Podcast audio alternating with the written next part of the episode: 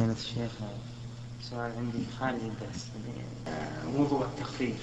هل وضوء تخفيف الجنابة مثل الجنوب حتى يمكث في المسجد هل يشترط فيه هل يشترط فيه أنه يغسل رجله إذا كانت باقية مدة المس؟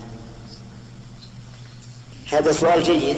يقول إن وضوء تخفيف الجنابة هل يشترط هل يجزي إذا مسح؟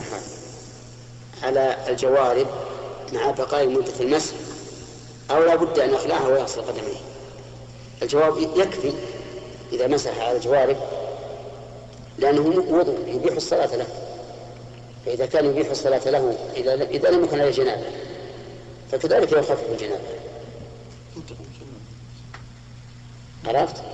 هو يسأل أن يقول هل هو يخفف ولو لم يكن غسل لشيء يقول نعم يخفف لأن مسح الجوربين إذا كان ذلك في المدة كغسل القدمين تمام.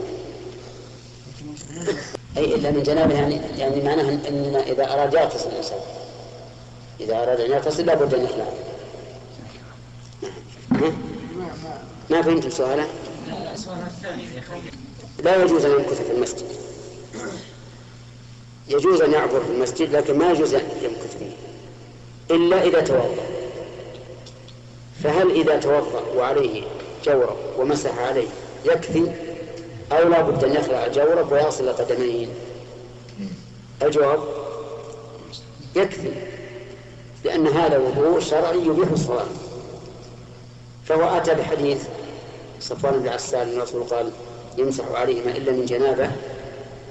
فقلت له هذا في الاغتسال. إذا أراد أن يغتسل لا بد أن يخلع الجوارب